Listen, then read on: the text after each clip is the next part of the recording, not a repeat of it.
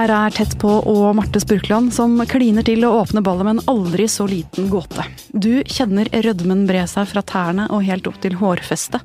Hodet blir tåkete og litt sånn forvirret, og du klarer ikke å holde blikket hevet, men er nødt til å slå det ned. Hvilken tilstand befinner du deg i da? Akutt forelskelse er det ikke.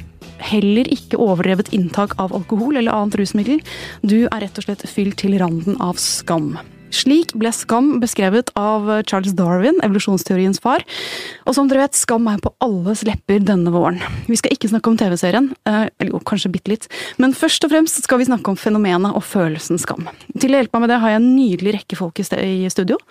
Henriette Stensrup, velkommen til deg. Hei, hei, og takk for det. Eh, skuespiller, komiker, skribent, manusforfatter, programleder. I det hele tatt snart aktuell med drama, musikal, komedien Ole Ivars. Ja, den kommer opp igjen. Det er ikke så skamfullt det, da. Tredje gang. Det er ganske skamløst, egentlig. Ja, det er skamløst. Ja. Eh, Vil du si at du sånn generelt eier noen skam i livet, eller? ja. Jeg er full av skam, jeg. Masse skam. Er masse skam. Åh, Men jeg presser den ned. det blir veldig bra til gruppeterapien her. Eh, Vi har nemlig også med oss psykolog Aksel Sinding. Du jobber jo daglig med folk som er preget av så mange slags følelser, deriblant sikkert også mye skam. Fint å ha deg det her. Takk skal du ha. Hyggelig å være her. Har du skammet deg masse selv? Ja, vi har da vel alle ting vi skammer oss for iblant, har vi ikke det? Jo, jo, så definitivt. Men ikke Kristine Hellesland, da, min gode venn. Hun har ingenting å skamme seg av. Eh, Du står jo oppreist gjennom det ene uværet etter det andre. Lager søt limonade av alle livets sure sitroner. Som en glede å ha deg her, alltid. Takk, takk. Kristine, dagen i dag er jo en litt sånn merkelig dag. Ja, det er så trist. Det er Marte, hva skal du gjøre? Ja, det er tidenes aller siste sending med Tett på. Fordi at Jeg har jo snakket det kjedsommelig om 40-årskrisen, ikke sant? og det er så vanskelig. Buhu. Luksusproblem. Eh, Men noe av det verste jeg vet, er jo folk som klager over status quo uten å gjøre noe med det. Så jeg har gått til meg selv og tenkt på at ok, jeg har den ekle følelsen av er dette alt? Da må jeg jo ta og forandre på et eller annet. Og så kunne jeg ikke sparke ut mann og barn, for det blir litt for alvorlig. Eh, Så da sa jeg opp jobben istedenfor. og hopper ut i det ukjente. På fredag. Det er jo kjempespennende for deg, Marte. Men eh, hva gjør det med i dag? Eh, Skal vi gå ut med et smell, eller eh, hva tenker du? Ja, Det gjenstår å se. Jeg tror, jeg tror på smell, men jeg tror også melankolien kan komme liksom kraftig mot slutten. Den er også fin, da. Så vi får se. Men først skal vi altså bade i skamfølelse. Um, og det som er litt gøy, var at jeg, dere vet den der NRK sin nettserie Skam, som i hvert fall jeg ser helt skamløs på. Jeg snakket med regissøren og produsenten der på Benedagen i Bergen i forrige uke, og de fortalte hvordan de kom på den tittelen til programmet. Altså, oh ja, ja, det har jeg lurt på. Ja, for det er jo ingen som snakker åpenbart om skam i den serien, men det heter jo Skam. Og så fortalte de at lenge så ante de ikke hva det skulle hete, den serien. Det kunne hete kanskje Drama 16, og det handler jo om sånn intrige, begjær, vennskap, lojalitet, alle de tingene som 16-åringer og alle vi andre er helt manisk opptatt av, selvfølgelig. Eh, og så var det i aller siste runde med audition. De hadde liksom eh, fått smalet det ned fra 1200 kids i alderen 16 til 20. Eh, og så var det siste runde, og så hadde de rett og slett avstemning av ti mulige navnealternativer. Og så var det kidsa selv som følte at skam var det som var mest riktig. Var ikke det ganske fint? Jo. Ja, veldig fint. Ja. Så det var kidsa som bestemte. Eh, men altså, Aksel Sinding, du er jo liksom vår allviter her, da. Hva er skam, om vi kan starte der? Skam det er en følelse der man føler ganske vondt om seg selv. Man føler at man har, ikke lever opp til sin egen standard. Da får man en sånn ekkel følelse i magen, sånn klump i magen. Og så, som du sa, da, så har man tendens til å bøye seg litt nedover. Man prøver å dekke til seg selv litt, og det er jo også, henger jo også sammen med ordet skam, da, som kommer fra det å dekke seg til, faktisk. Ah, Ja. Så du dekker over, er det feilene dine du dekker over, eller er det Man deg selv? prøver på en måte å trekke seg litt inn i seg selv. All skam er jo preget av at all oppmerksomheten eh, flytter seg innover i seg selv. Man blir veldig, veldig selvbevisst. Eh, Og det er jo gjerne når man blir ja, Hvis du ser mildere former av skam, f.eks. det å være flau, ikke sant. Eh, Så du, blir du veldig selvbevisst. Du blir veldig sånn Oi, nå er det meg som er i fokus. Jeg er ikke god nok. Jeg strekker ikke til. Og så å, oppmerksomhet innover. Og da kan man kjenne mye på skamfølelse i magen. Så det er en veldig selvopptatt følelse, egentlig. Veldig. I motsetning til mange andre følelser som er veldig sånn drevet for å få deg til å nærme deg andre mennesker. For eksempel eh, sinn. Alle følelser har jo en funksjon, ikke sant. De kommer gjennom evolusjonen. Eh, Der hvor eksempel sinne har som hensikt å skape avstand eh, til andre. Altså du skal få dem vekk. Vekk fra min eh, sone. Mm. Frykt. Jeg skal rømme. Jeg skal vekk fra situasjonen. Tristhet. Jeg skal utløse støtte. Skam. Da isolerer du deg, og så går du i deg selv. Ikke så veldig sosialt. Ganske isolert. Men du sa altså det er når man ikke når opp til sine egne idealer. Jeg tenkte Mm. at skam var mer sånn når du ikke når opp til alle andres idealer. Ja. Når du føler at her har vi flokken, og så har jeg gjort et eller annet som bare kaster meg ut av den, eller gjør meg helt annerledes enn dem. Ja, vi passer på ikke blande med skyldfølelse, eh, men eh, du, du er jo inne på noe fordi Våre egne idealer er jo i stor grad formet av hva andres idealer er. For eksempel ser du de store tingene som vi har skammet oss gjennom tidene. For eksempel, eh, ja, det var mye skam knyttet til å være homofil da, for eksempel før. ikke sant? Så er det åpenbart hentet fra andres idealer. Ditt eget ideal, eller det er fortsatt tabu rundt psykisk helse for eksempel. Det opplever jeg jevnlig.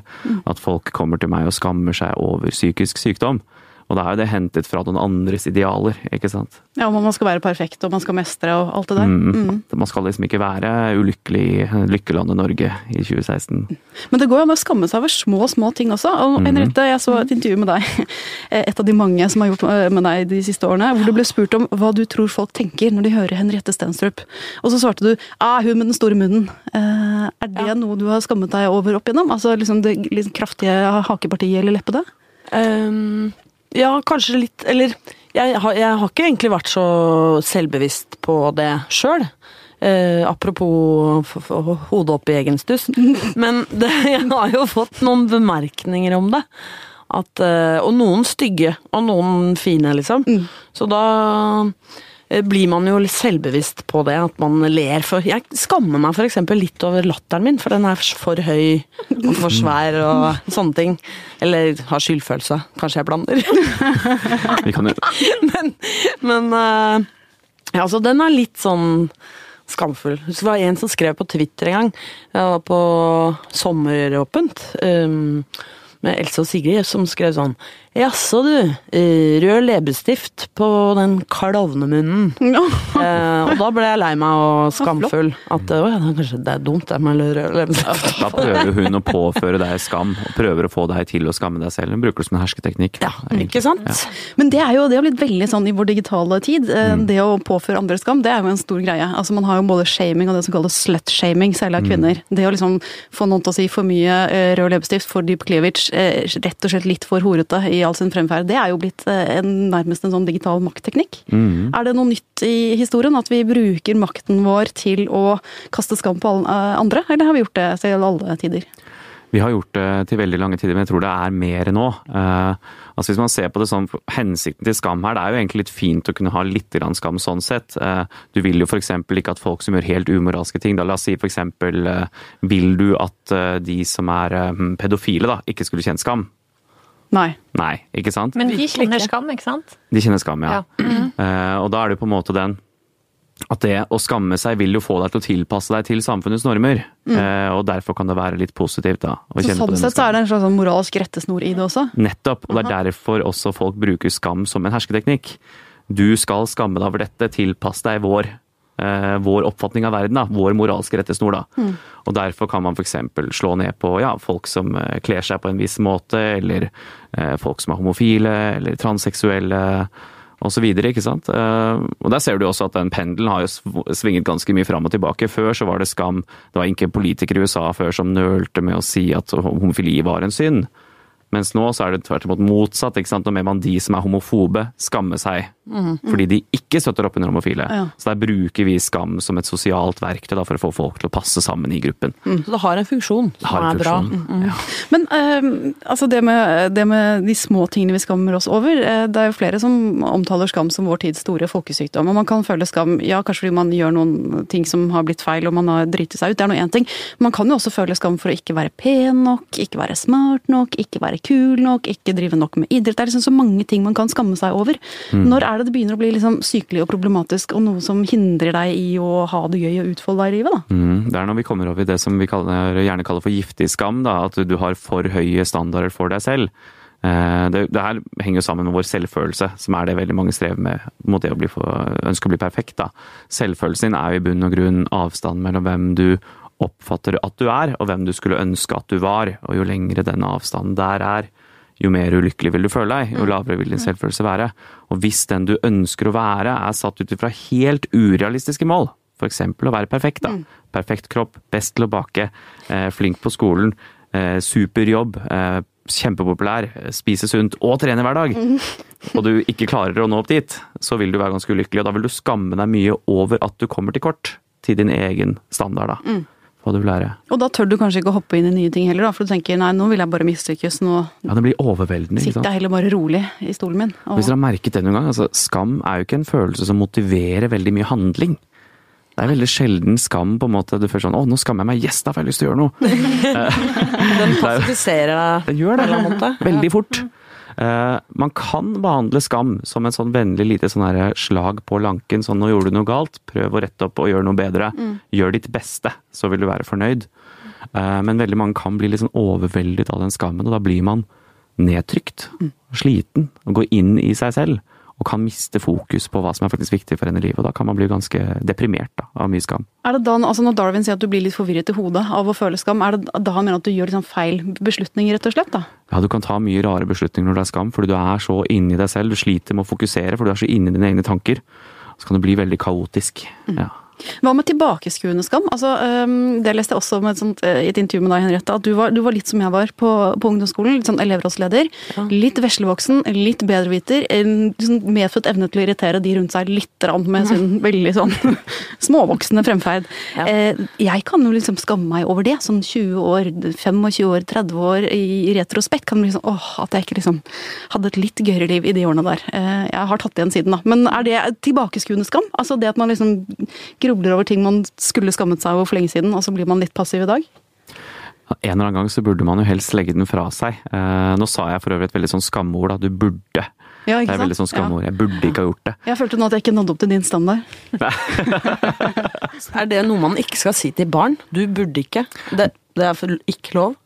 Du kan teste det, så kan du se om det hjelper dem med å motivere, om det motiverer atferd eller ikke. Jeg tror jeg sier veldig mye sånn feil ting. Ja, men skam er veldig mye brukt i barneoppdragelse. Det er det. Man bruker det veldig mye. Bare det å si nei, ikke sant, vil jo fremkalle litt skam. Eh, Det er ikke så veldig positiv bruk av eh, skam, egentlig. Nei. Fordi det ofte gjør at de blir mindre motiverte. Da. Så det er derfor det er lurt å f.eks. heller gi ros for god atferd. Da. Men du må jo ha lov til å sette grenser, da. F.eks. si at det er ikke det er ikke greit å gjøre, dette er en grense jeg setter. Mm. Dette kan du ikke gjøre, da blir mamma sur. Det er greit, ikke sant. Men med en gang du beveger deg inn på det at du, du har en standard som noen ikke når opp til, da er du litt ute i sånn farefullt terreng. Ja. Ja. Som foreldre så opplever man jo det hele tiden, syns jeg. Den der man, jeg i hvert fall skammer meg jo ganske ofte. som- Over barna dine, ja. Kan man, ja, ja, kan det, det kan man òg gjøre. ja det, Men- det er underfortalt. Kom med det! ja, nei, men det føler jeg man kan liksom eh, skamme seg litt. Fordi man selvfølgelig kommer til kort som forelder hvis man har et barn som slår andre, for eksempel, eller gjør ting som ikke Spiser 17 pizzastykker i bursdag istedenfor to og sånn. Ikke sant? Ja. Da, Mm. da, da går jo skamfølelsen ikke sant, veldig innover sånn Jeg er ikke en god nok eh, far eller mor, da. Ja, ikke sant? Det, mm. kan man skamme seg Eller over de det. små øyeblikkene hvor man mister seg selv. Det tror jeg alle har Ja. gjort klokka åtte på morgenen. Mm. Når noe skal rekkes. Altså. Ja. Når du får et lite raserianfall sånn utenfor porten Ja. til barnehagen, mens alle de andre sånn velpleide foreldrene står og ser på at du hyler til barnet ditt. Ja da, det Jeg er en forelder som ikke mister besinnelsen, f.eks. Kan jo være en standard, en eh, standard folk setter for seg. Så bryter du den, så kan du skamme deg mye over den.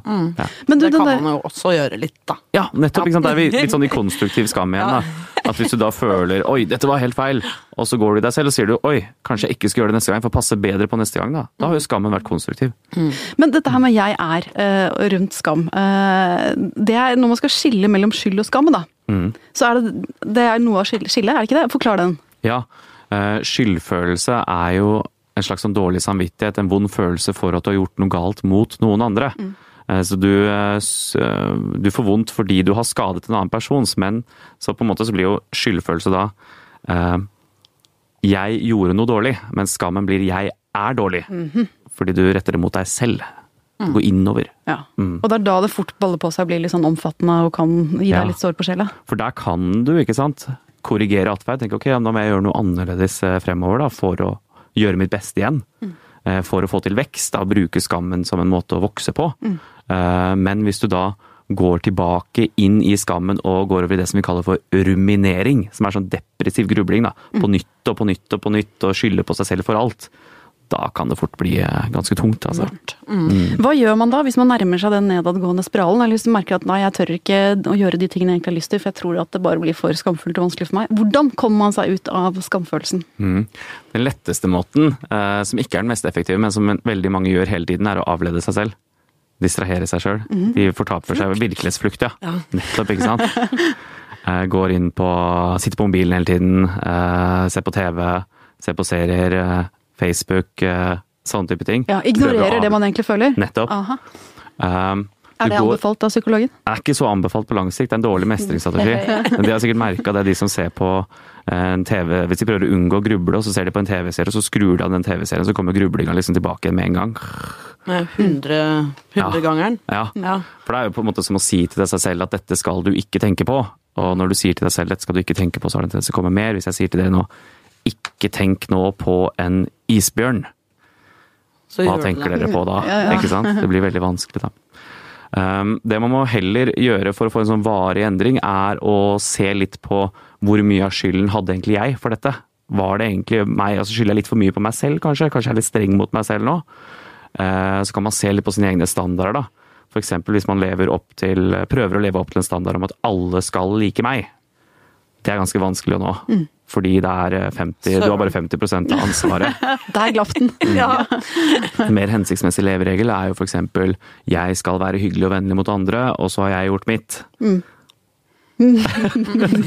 Så får de andre være som de er, for å si det Ja. sånn. Ja. For det vil jo alltid være folk som ikke passer overens med deg, ikke sant? Som ikke kan like deg. Og det er greit. Det er greit. Ja, Åh, det hørtes lurt ut. Den følte jeg var til rett til meg. ja den var jo ja, meg òg. Det er mange som føler seg truffet av. Veldig mange. Men altså, være sammen der, det er jo egentlig en litt sånn deilig eh, bro over til deg, det, Henriette. Ja. Eh, fordi at nå skal du snart i gang med da, runde to eh, av Ole Ivars-musikalen. Drama-komediemusikalen. Og der er jo En sammen nær en- selve Vi snitter vart som en sku, som uh, låta Ja, nettopp, videre, Du har, ja, du har standarden der òg, ja. Du har gullstandarden. Det er ganske søt eh, standard, det. Liker den. Mm. Hva er det beste og deiligste med å spille Ole Ivars?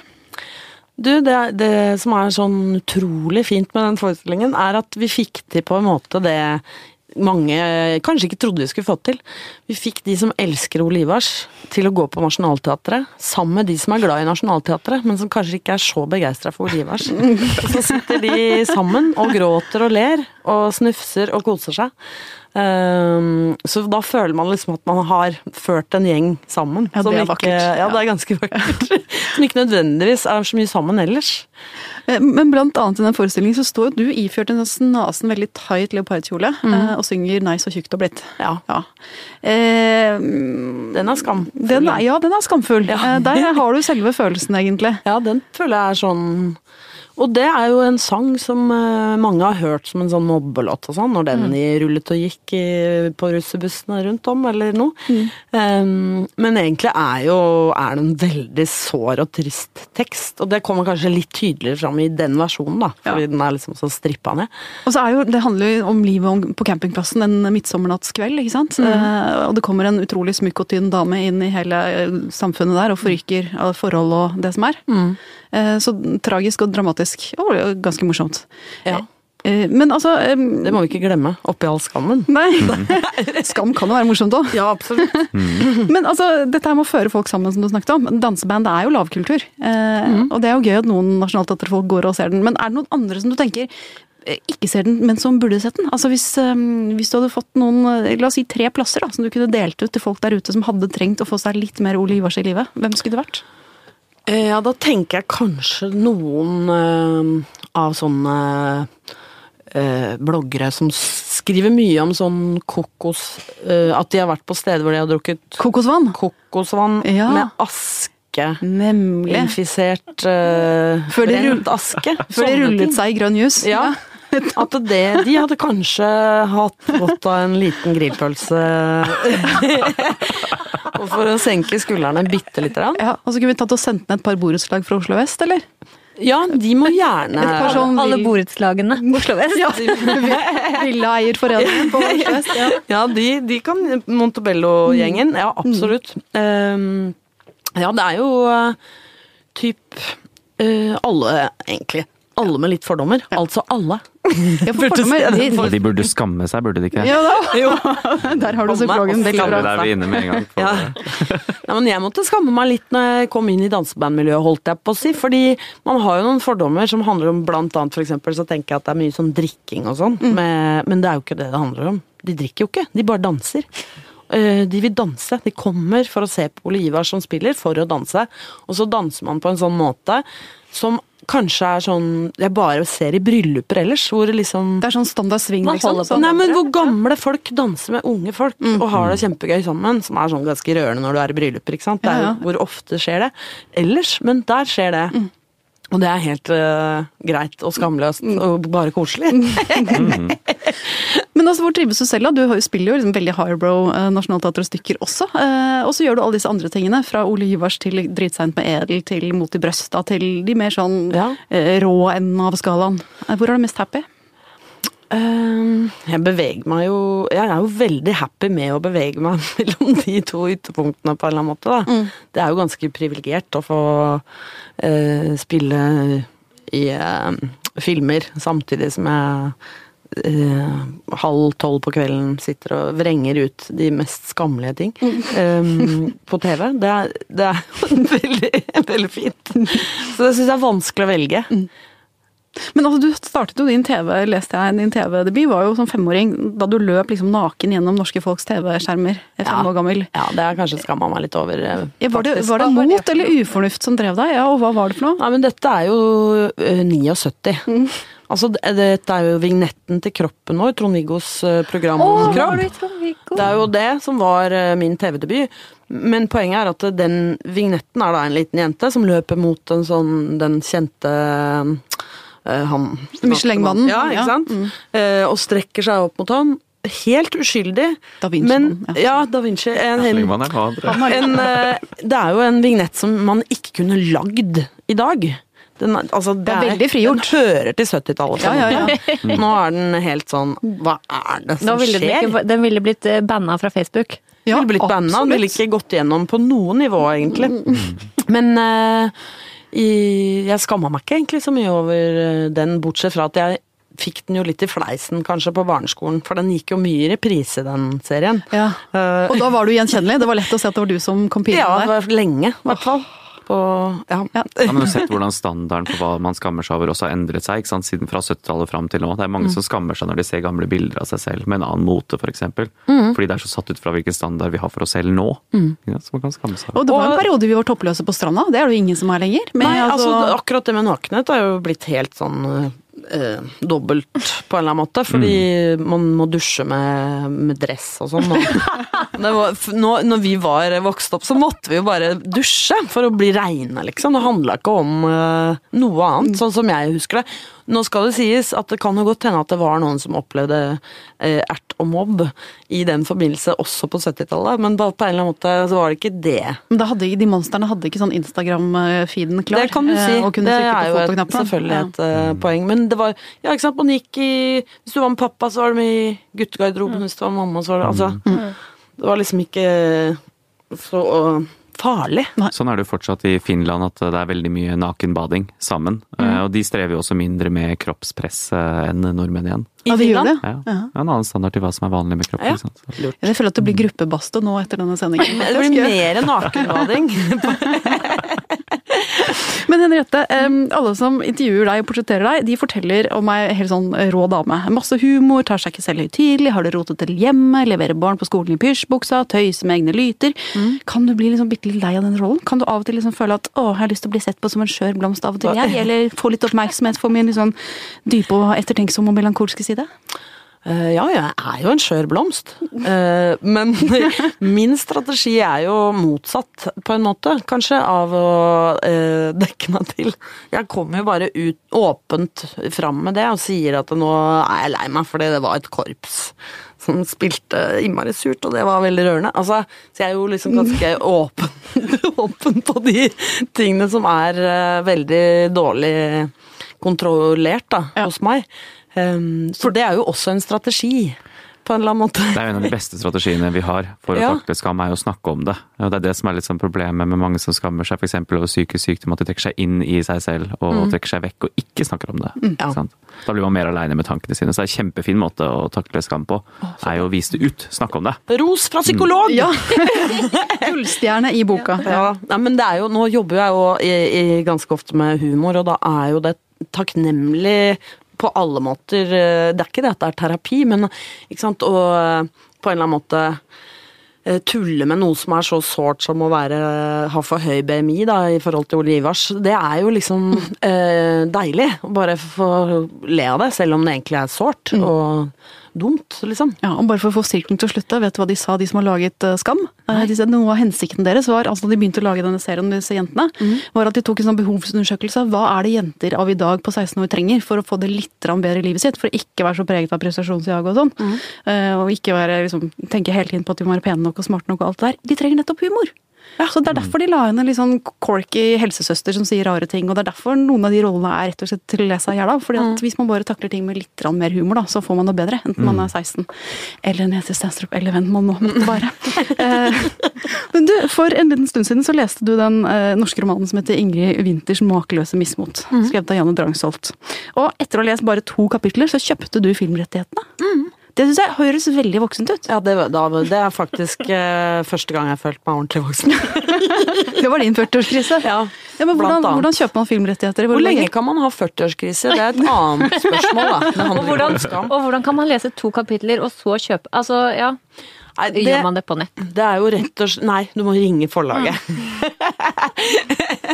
det, det, var- det var jo rett og slett at jeg kom liksom rett inn i selvfølgelig veldig mye sånn gjenkjennelig, og veldig mye skam. Altså, dette er jo en sånn eh, småbarnskarrieremor som eh, forsøker å eh, fremstå ganske eh, ryddig, og som på en måte får telefonbekymringsmelding, bekymringsmelding fordi hun har sølt noe sånn rødvin eh, som hun skulle egentlig kaste i glassorteringsboksen, sånn at det lukter litt sånn gammel rødvin når hun leverer i barnehagen. Altså, Flott. som på en måte Ja, flott!